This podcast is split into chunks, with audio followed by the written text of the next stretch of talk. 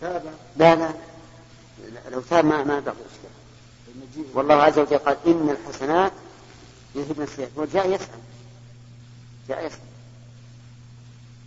أما لو كان تائبا فيمكن أن نقول إنه تائب وإن الحسنات يذهبن السيئات ويراد بالحسنات. توبة.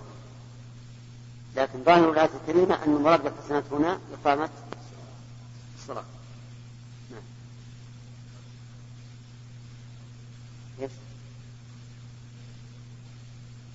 نعم. هو ما, ما وقع مكفرا فإنه لا يثاب يوم القيامة. انتهى. لكن فيه معادلة. في يوم القيامة يؤتى بالحسنات التي بقيت. لم والسيئات التي بقيت. لم تزل فيعادل بينهم.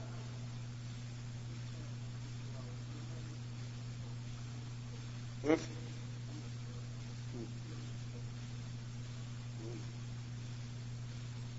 سمعت اشكال الاخ عبد الله؟ استشكال يقول الرسول ما أمروا بالتوبة بل قال إن الحسنات يذهبن السيئات. يكفي من كونها وصفت بالسيئة انه يجب التوبة منه. باب فضل الصلاة لوقتها. حدثنا أبو الوليد هشام بن عبد الملك قال حدثنا شعبة قال الوليد بن العزار أخبرني قال سمعت أبا عمرو الشيباني يقول حدثنا صاحب هذه الدار وأشار إلى دار عبد الله قال سألت النبي صلى الله عليه وسلم أي العمل أحب إلى الله؟ قال الصلاة على وقتها. قال ثم أي؟ قال ثم بر الوالدين. قال ثم أي؟ قال الجهاد في سبيل الله. قال حدثني بهن ولو استزدته لزادني. قوله باب فضل الصلاة لوقتها ولم يقل في أول وقت بل لوقتها. وذلك أن وقت الصلاة قد يكون أوله أفضل وقد يكون آخره أفضل. فصلاة العشاء الأفضل آخره وبقية الصلوات الأفضل أولها إلا أن الظهر في شدة الحر تؤخر رفقا بالناس طيب. في هذا الحديث دليل على تفاضل الأعمال. أي العمل أحب إلى الله وما كان أحب فهو أفضل وفيه إثبات المحبة من الله عز وجل. بقول أي العمل أحب إلى الله. والسلف يقولون إن الله تعالى يحب وإن, محبته تتعلق بالأشخاص وتتعلق بالأعمال وتتعلق بالأمكنة. وإذا جاء, جاء النص بتعلقها بالأزمنة أثبتنا ذلك. وأهل التعطيل والتحريف يقولون إن الله لا يحب لا يحب عملا ولا عاملا ولا زمانا ولا مكان لماذا؟ لأن لأنهم يرجعون في إثبات الصفات ونفيها إلى العقل ولا شك أن هذا عدوان واعتداء لأن الصفات من الأمور الغيبية التي يتوقف الإثبات فيها والنفي على مجرد خبر. العقل لا يدرك. ثم ما هذه العقول التي يوزن بها الكتاب والسنة؟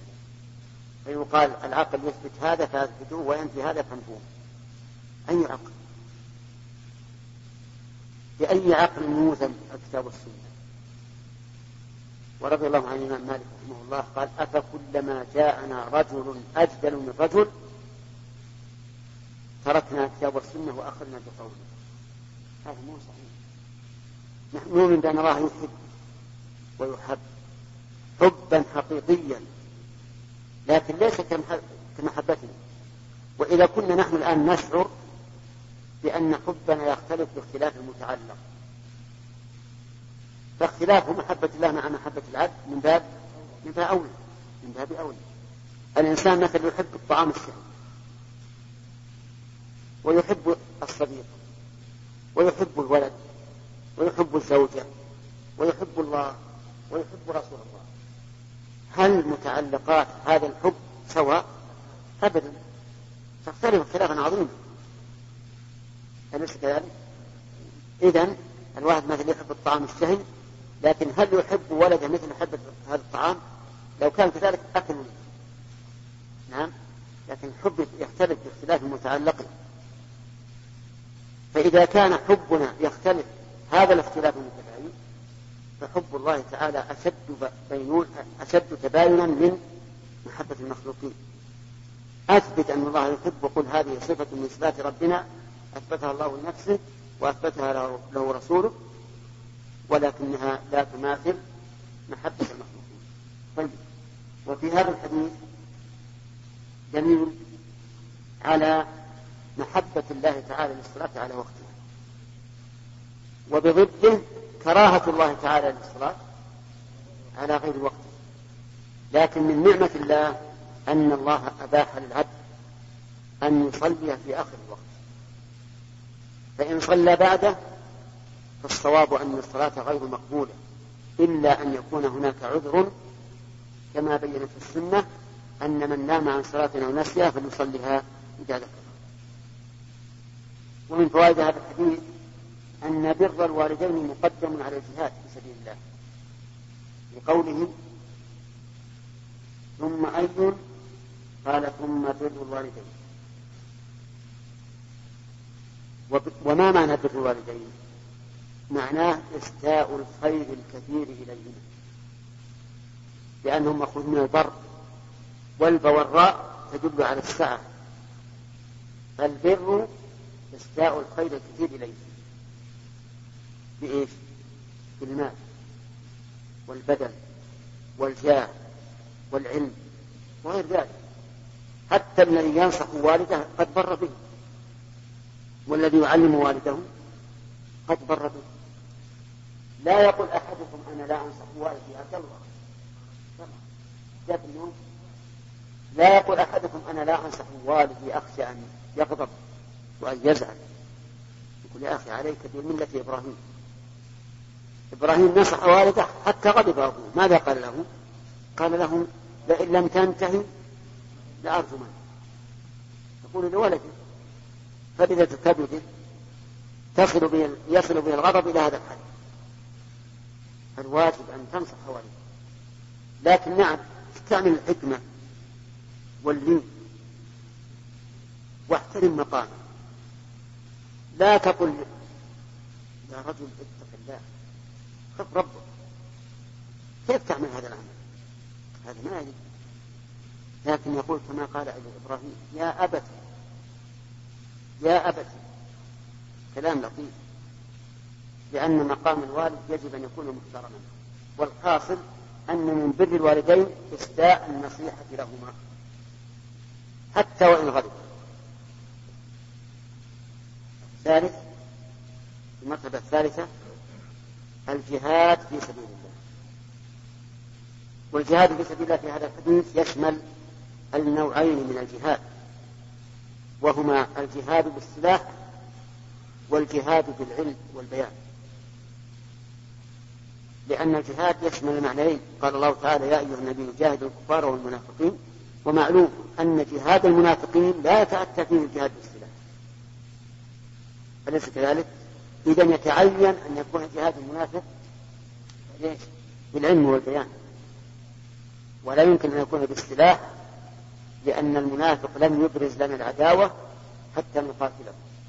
وقد قال النبي عليه الصلاة والسلام لما استؤذن في قتل بعض المنافقين لا يتحدث الناس أن محمدا يقتل أصحابه. نعم. وفي قوله لو استزدته لزاده قد يقول قائل كيف يقول ابن مسعود هذا هذا؟ أهو يعلم الغيب. هو يعلم الغيب. ربما لو استزاد لقال كفى. هذا وارد كما قام الرجل قال يا رسول الله ادعو الله أن يجعلني منهم. فقال سبقك بها عكاشا لكن ابن مسعود فهم من فحوى الخطاب. وحال النبي صلى الله عليه وسلم في تلك اللحظة أنه لو استزاد لزاده طيب فإن قال قائل ما تقولون في قول عائشة رضي الله عنها؟ لو رأى النبي صلى الله عليه وسلم ما رأينا من النساء يعني من خروجهن المتبرجات الطيبات لمنعهن. فهل يكون مثل ذلك؟ نقول ربما يكون هذا التفقه من عائشة رضي الله عنها مطابقا للواقع. لأنه إذا كان يترتب على حضورهن المسجد مصلحة ومفسدة أكبر فما الواجب؟ حسب القواعد الشرعية نعم؟ الواجب درء درء المفاسد. الواجب درء المفاسد مع أن بيوتهن بنص الحديث خير لهن. وأما ما وقع من قول بلال بن عبد الله بن عمر لأبيه عبد الله بن عمر لما حدثه بهذا الحديث لا تمنعوا إماء الله مساجد الله. قال والله لنمنعهن فابن عمر غضب عليه وسبه سبا شديدا لم يسبه مثله قط ويقال إنه هجره إلى الموت. ابن عمر بين السبب. قال أقول وقال رسول الله وتقول والله لنمنعهن وكان عليه أن يتأدب ويترفق في الجواب. فيقول كما قالت عائشة لو علم النبي صلى الله عليه وسلم من النساء ما حصل أو ما رأينا لمنعه هذا هو الصواب. فيكون هذا تفقها قد يكون مصيبا وقد يكون غير مصيب. أما المعارضة بصراحة والله لا يمنعه فهذه توجب الغضب. ولهذا غضب عبد الله بن عمر رضي الله عنهما على ابنه نعم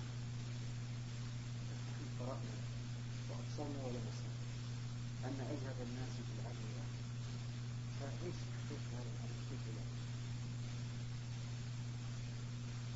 ميمون ها؟ ها؟ أن عشيرة العالم يعني يكونون أبعد من الناس الآخرين في التلقي عنه والأخذ والاستفادة وش جمع هذا صحيح.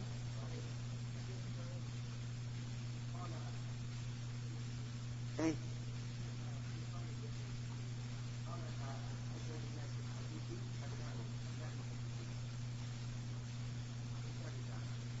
طيب وهل هنا.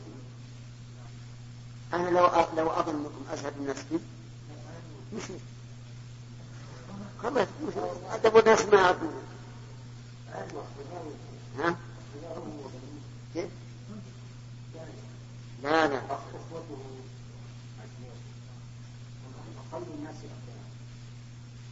يعني معناه ان إن أهل البيت يزهدون في العالم اللي عندهم؟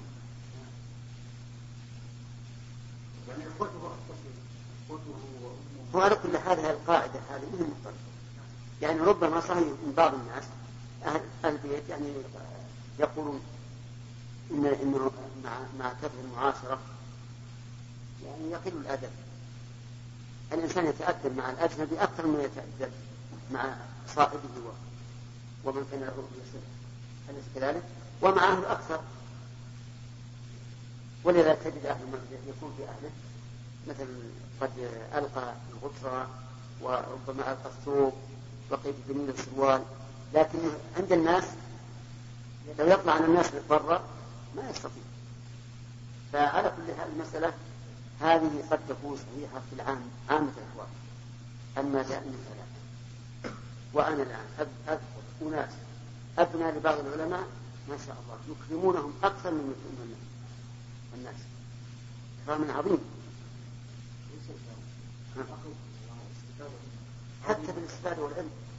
أنا لا أحب أن أسمي أهل الآن لكن وجدنا من بعض أولاد العلماء من صار مثل أبيه أو أحسن نعم. على كل حال هي قاعدة هذه قد تكون أغلبية. ما هي مضطربة نعم. ترى ما معي ساعة. انت؟ أجل آخر سؤال عندك. ما هو الجمع بارك الله فيك بين آه، كون الله عز وجل يتكلم بالقرآن حين حين ينزل وبين أن القرآن نزل من لوح محفوظ جملة واحدة إلى السماء هذا يحتاج إلى إثبات. هو نزل جملة واحدة؟ أي نعم. ما في. عندي ما ثبت لأن الآيات كلها تدل على أنه يتكلم بالقرآن حين إنزاله ولو ثبت لقلنا لا مانع. أن الله تعالى أنزله جملة واحدة ثم صار يتكلم به عند إنزاله ويتلقاه جبريل منه. لكن ما ما ثبت إلى إلى إلى هذا الحد عندي لكن قد يقول قائل إنه لقرآن كريم في كتاب مكتوب. هذا يدل على أنه موجود في اللوح المحفوظ لكن يقول هذا ليس ليس نصا قاطع لقول الله تعالى وإنه لفي زبر الأولين أي القرآن. ومع ذلك لم يكن القرآن مكتوبا لكن إنه أي ذكره أي ذكره. والتنويه عنه فعلى كل حال الله أعلم. لكن نقول إن الله يتكلم بلا شك بالآية بعد حصول السبب الذي نزل منه. وكذلك أخرى آيات قد سمع الله قوله جابر كيف يخبر عن أنه سمعه ما, حصل القول؟ وإذا غدوت من أهلك يخبر عن شيء مضى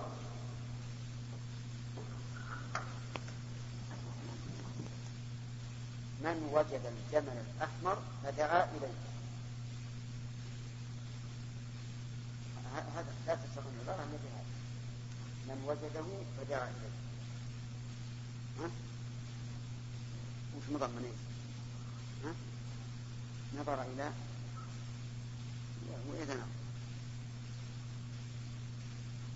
لكن من دعا إلى أبلغ.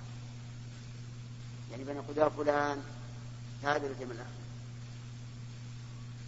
وكان يظن الظان أن أن يقول من دعا من دعاني إلى الجمل من دعاني إلى الجمل ها؟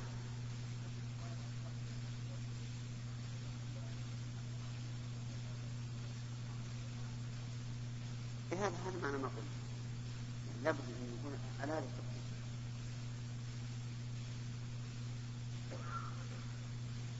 البخاري محسوب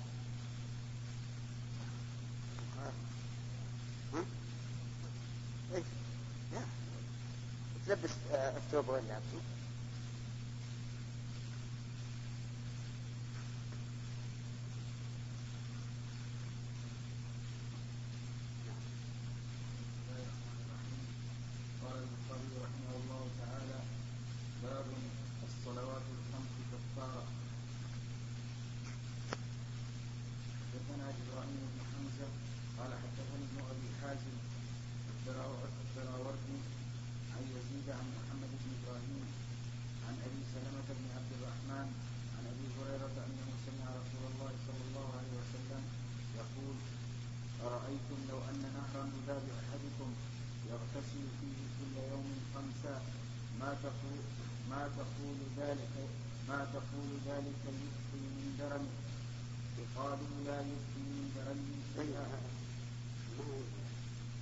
باب صلاة خمس كفار أنا عندي باب باب الصلاة كفار لكن بعدها نعم طيب أنه سمع رسول الله صلى الله عليه وسلم يقول أرأيتم لو أن نهرا بباب أحدكم يغتسل فيه كل يوم خمسا ما تقول ذلك يؤتي من درن قالوا لا يؤتي من درنه شيئا قال فذلك مثل الصلوات الخمس؟ يمحو الله به الخطايا.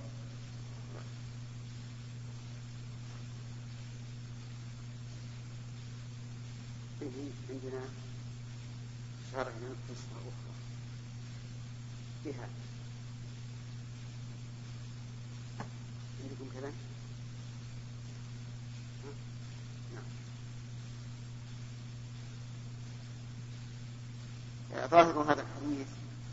أن الصلوات الخمس تكفر جميع الخطايا لكنه ورد مقيدا بما إذا اجتنبت الكبائر.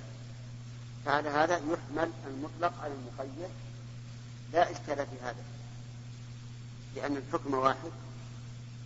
لكن إذا ورد على في عمل آخر مثل من قال سبحان الله وبحمده مئة مرة غفر الله له خطاياه. و ولو كانت مثل زبد البحر. فهل يقال إن التسبيح المذكور يكفر الخطايا الصغيرة والكبيرة لأن ظاهره العموم أو يقال إنه إذا كانت الصلوات الخمس وهي أعظم العبادات بعد الشهادتين لا تكفر إلا بشرط اجتناب الكبائر فما دونها من باب أولى.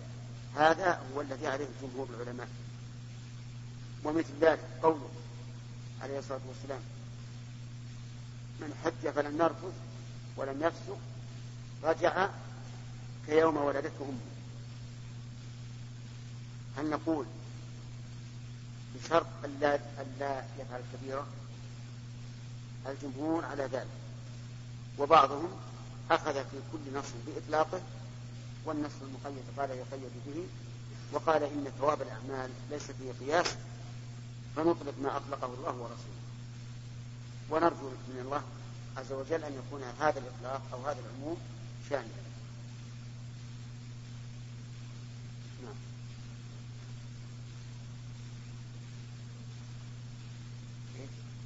نعم. لا سؤال واحد فقط ليش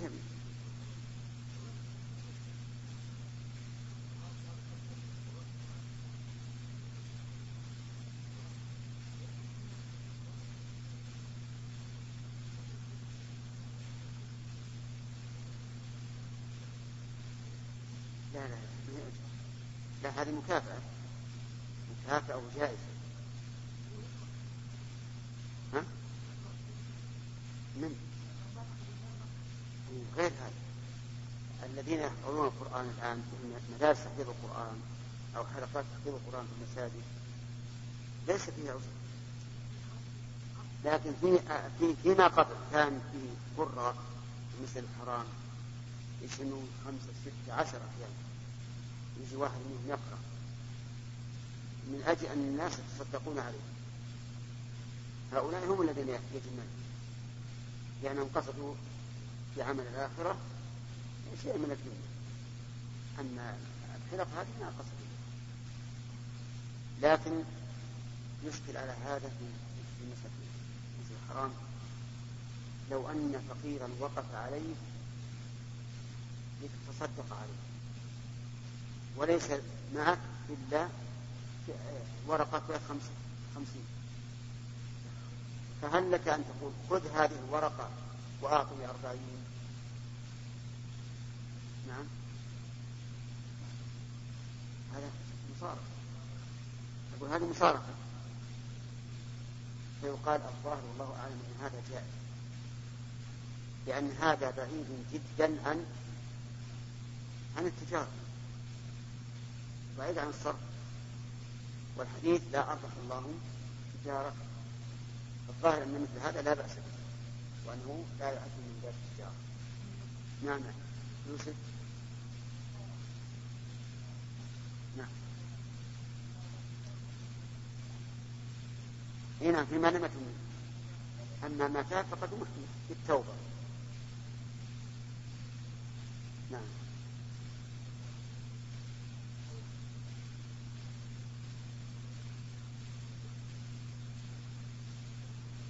نعم. نعم. والله أنا اللي يظهر لي أنه لا بد من التقييد لأن هذه الصلوات العبادات العظيمة. لا لا لا تكفر إلا بسبب الكبائر فما دونها من باب لكن سنرجو ولعلها إن شاء الله على الإطلاق. والثواب ليس فيه ليس فيه قياس باب تضييع الصلاة عن وقتها حدثنا موسى بن اسماعيل قال حدثنا مهدي عن غيلان عن انس قال ما اعرف شيئا مما كان على عهد النبي صلى الله عليه وسلم قيل الصلاة قال أليس صنعتم ما صنعتم فيها هذا انس بن نعم أليس ضيعتم والأصل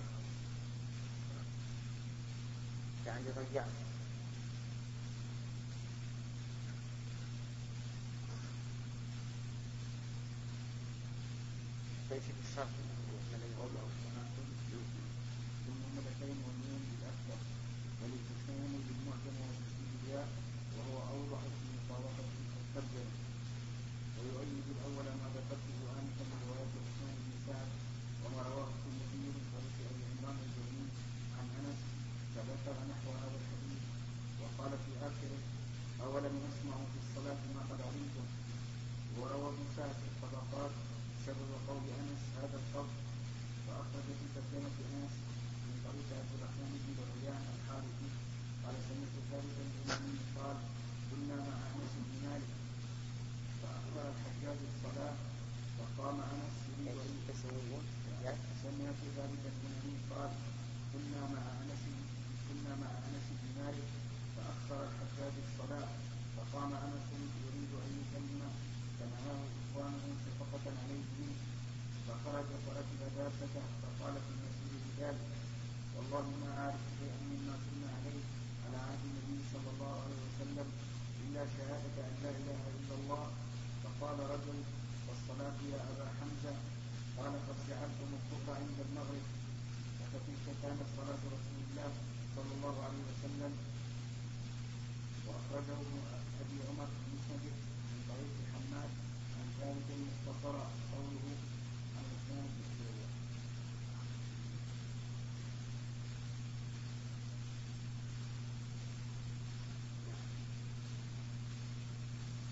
يقول رحمه الله باب باب تضييع الصلاة الوقت. تضييع الصلاة تنقسم إلى أقسام. متعددة. ورابطه أن يفرق الإنسان فيما يجب في صلاته. أو ما يجب لصلاته. هذا ضابط تضييع الصلاة. فإذا أخل بالطمأنينة فقد ضيعها. وإذا أخرها عن وقتها فقد ضيعها. والصحيح أنه إذا أخرها عن وقتها لا تقبل لقول النبي صلى الله عليه وعلى آله وسلم من عمل عملا ليس عليه أمرنا فهو رد. وإذا لم يطمئن فيها فقد ضيعها ولا صلاة له كما قال النبي صلى الله عليه وعلى آله وسلم للرجل الذي لم يطمئن ارجع فصلي فإنك لم تصلي. ومن ترك الأذان لها فقد ضيعها. لأن العذاب واجب له. ومن ترك سجود السهو بعد السلام فقد ضيعها لأن سجود السهو بعد السلام واجب لها وليس واجبا فيها وهلما جرى الحاصل من تضييع الصلاة هو ما نعم. حدثنا عمر بن زرارة قال أخبرنا عبد الواحد بن واصل أبو عبيدة الحجاج أنت عندكم عمر ولا عمرو؟ هو حدثنا عمرو بن زرارة قال أخبرنا عبد الواحد بن واصل أبو عبيدة الحجاج عن عثمان بن أبي رواد أخي عبد العزيز قال سمعت الزهري يقول دخلت على أنس بن مالك بدمشق وهو يبكي فقلت ما يبكي بدمشق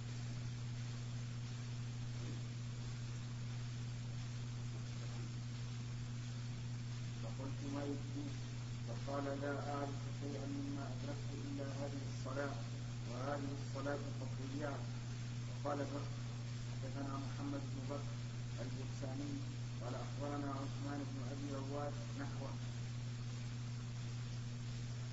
في هذا الحديث دليل على جواز البكاء على ما فات من الدين وعلى من ترك من الحرمات أيضا. فإن البكاء على ترك الواجب يوازيه البكاء على فعل المحرم. ولا شك أن كل إنسان في قلبه الحياة إذا رأى انتهاك المحرمات أو تضيع الواجبات لا شك أنه سيتألم. وإذا كان سريع البكاء فإنه سوف يبكي. فأقول الآن إذا كان هذا في زمن أمس فكيف في زماننا هذا؟ البضاعة أكثر بل يوجد عندنا من يقول إنه مسلم وهو يسخر بالمسلم نسأل الله العافية. سواء سخر بالصلاة من أصلها أو سخر بها بأن يحدث بها جماعة أو ما أشبه ذلك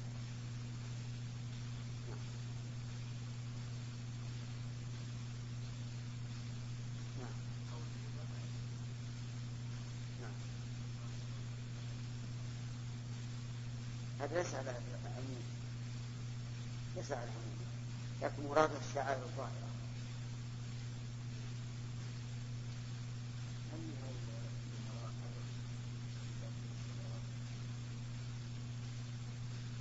الظاهر أنه لن يؤخر صلاة المرأة وأن في هذا النقل نظرا لكنهم يؤخرون عن وقته وسبب ذلك الله أعلم إما التهاون وما يريدون وهم أمراء لا أحد يقول لهم شيء شيئا. وإما أن لهم أعذارا يظنونها تسوغ لهم تأخيرها أولا نعم.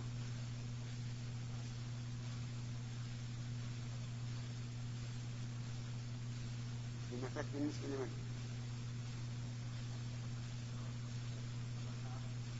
يعني ها بالنسبة لنفسه. ولا شك أنه دليل عن الندم. إذا بكى على ما فرط أو على ما انتهك من الحرمات فهذا يدل على أنه نادم والندم أحد أركان التوبة. فإذا ندم إذا ندم نعلم أنه سائز على أنه لن يعود باب المصلي ينادي ربه عز وجل حدثنا مسلم بن إبراهيم قال حدثنا هشام عن قتادة عن انس قال قال النبي صلى الله عليه وسلم ان احدكم اذا صلى ينادي ربه فلا يكتبن عن يمينه ولكن تحت قدمه اليسرى وقال قتادة لا يكتب لا يكتب قدامه أو بين يديه ولكن عن يساره أو تحت قدميه. وقال شعبة لا يطلق بين يديه ولا عن يمينه ولكن عن يساره أو تحت قدمه وقال حميد عن أنس عن النبي صلى الله عليه وسلم لا يطلق في القبله ولا عن يمينه ولكن عن يساره أو تحت قدمه هذا هذا هذا الحديث. يدل على أن الإنسان يناجي الله تعالى. والمناجاة هي تبادل الحديث لكن على وجه السر. والمناداة تبادله على وجه البعد. طيب يناجي ربه.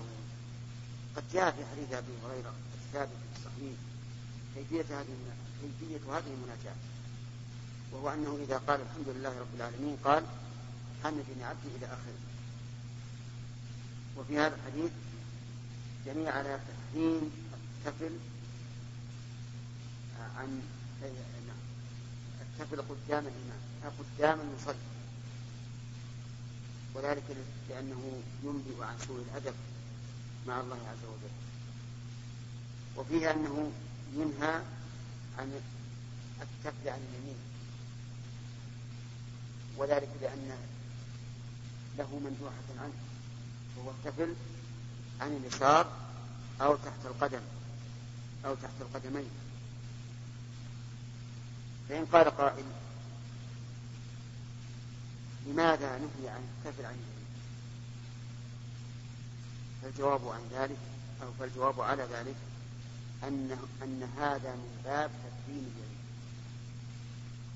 كما نهى النبي صلى الله عليه وعلى آله وسلم عن الاستنجاء باليمين. وقيل في أيوة الحديث الآخر فإن على يمينه ملكا. واعترض على هذا بأن الملك عن اليمين وعن الشمال قائد وأجيب بأن ملك اليمين أفضل من ملك اليسار وبأن له الإمرة عليه حتى أنه ورد في بعض الآثار أن الرجل إذا عمل سيئة وأراد كاتب السيئات أن يكتبها قال له من على اليمين تمهل لعله يرجع لعله يتوب وما أشبه لكن يظهر لي أن العلم من ذلك هو تكريم اليمين. فلم فلم يبقى الآن إلا اليسار. وأشكل على كون التفي عن يسار المصلي ما إذا كان في المسجد أو إذا كان في الصف ولو في غير المسجد. إذا كان في المسجد فإنه إذا تفل عن يساره أو تحت قدمه فقد أتى خطيئة وقول النبي صلى الله عليه وسلم الفساق في المسجد خطيئة وكفارتها دفنه فهل يستثنى هذا؟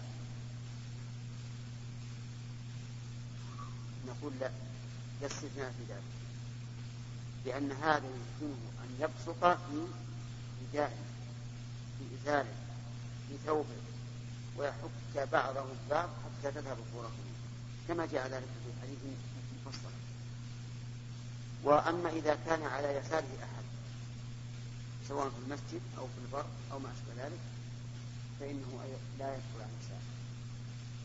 لكن يدخل تحت قدمه إن كان في غير المسجد ويحكه. وإن كان في المسجد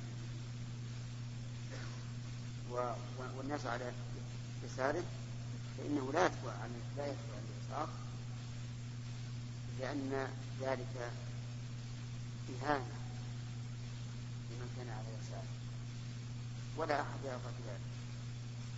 فلم يبقى إلا تحت القدم وتحت القدم إذا كان في المسجد ممنوع.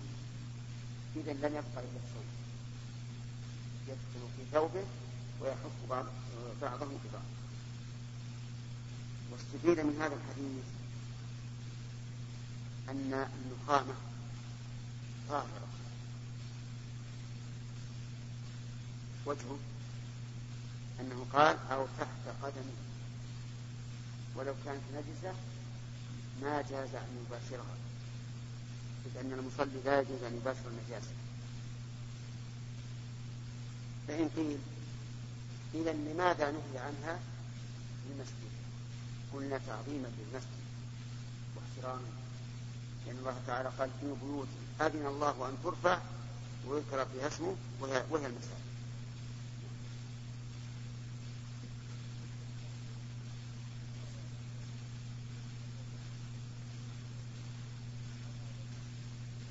كيف؟ إيه؟ وربما يكون من الأذية لأن بعض بعض بعض الناس لا يطيق أن يسمع أحدا يتكلف الإقامة. ولكن أحيانا يتأذى المصلي إلا بهذا. فهل نقول أشغل نفسك عن الصلاة بهذا البصاق؟ أو نقول لا بأس وهذه المسألة يرفع صوته قليلا ثم يدون نعم. خالد. إيش؟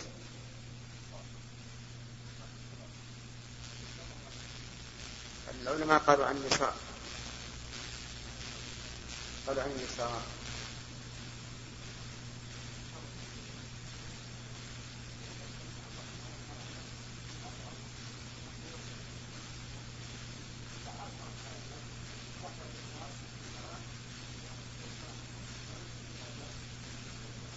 هنا لأن هذه توبة. ومن تاب تاب الله عليه. زهير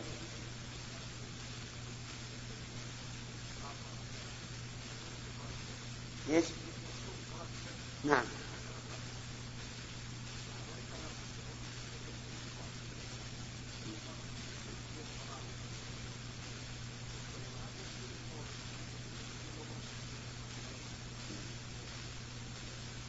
اسأله قل لو كان وراك اختبار يصير خفيف ولا ثقيل؟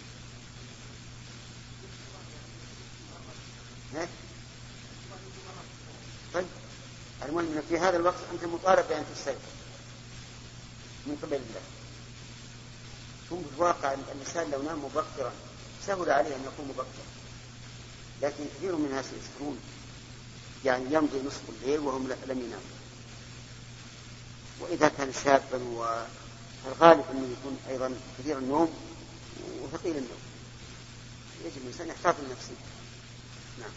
ثلاثة. أربعة. إذا يكون هذا فيه استقراء استقرار للمسألة الآخرة. نعم. حدثنا حفص بن عمر قال حدثنا يزيد بن إبراهيم قال حدثنا قتادة عن أنس عن النبي صلى الله عليه وسلم أنه قال اعتدلوا في السجود ولا يبسط ذراعيه كالكلب وإذا بزق فلا يبزقن بين يديه ولا عن يمينه فإنما ينادي ربه. فإنه والمعنى واحد. طيب. قوله اعتدل في السجود أي يسجد سجودا معتدلا. وذلك بأن يكون الإنسان رافعا ذراعيه مجافيا عضديه البيت رافعا ظهره ورافعا فخذيه عن ساقيه. هذا هو الاعتدال. كل عضو الآن معتدل بخلاف ما لو بسط ذراعيه على الأرض فإن النبي صلى الله عليه وسلم نهى عن ذلك وقوله كالكلب هذا التشبيه يراد به التمثيل. هذا هو الظاهر. وقد يراد به التمثيل يعني لا يبسط لا يبسط كما يبسط الكلب. وأنه لو بسط على غير هذا الوجه فلا بأس. لكن الذي يظهر لي والله أعلم أن المراد التشبيه أن المراد في التشبيه للتمثيل وقوله إذا بزق هذا الشاهد نعم حديث وقد سبق. نعم.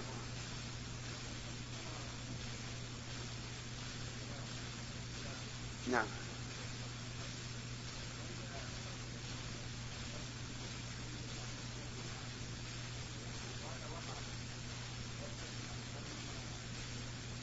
تفل عليه إيه؟ نعم حتى لو حتى لو كان غير عام قد يؤذيه هذا الشيء. يعني إذا إذا فتح الشيطان عليك باب الوسواس وأنت تصلي فإن المطلوب منك أن تمكث ثلاث مرات على على يسارك وأنت سائل بالله من الشيطان فإما أن يقال إذا كان على يسارك أحد إما أن يقال يكفي الاستعاذة أنت سائل بالله من الشيطان أو يقال التفت وانفث نفسا يسيرا لا يصل إلى صوت نعم. نعم.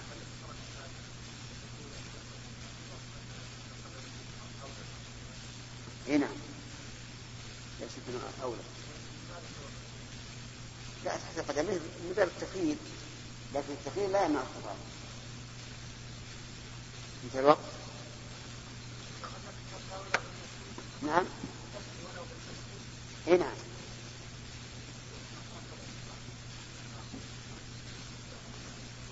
نعم. كما كما رأى يصلي. نعم.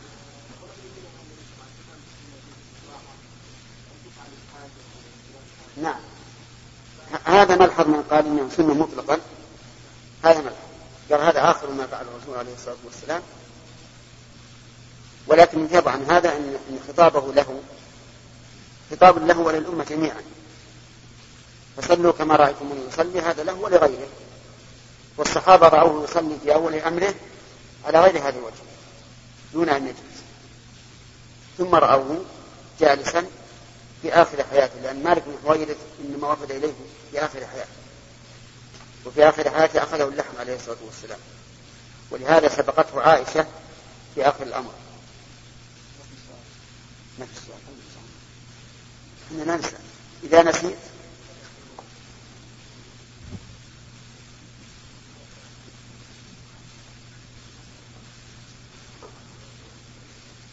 بسم الله الرحمن الرحيم.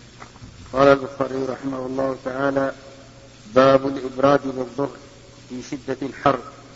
حدثنا أيوب بن سليمان قال حدثنا أبو بكر عن سليمان قال صالح بن كيسان حدثنا الأعرج عبد الرحمن وغيره عن أبي هريرة ونافع مولى عبد الله بن عمر عن عبد الله بن عمر أنهما حدثاه عن رسول الله صلى الله عليه وسلم أنه قال إذا اشتد الحر فأبردوا عن الصلاة فإن شدة الحر من فيح جهنم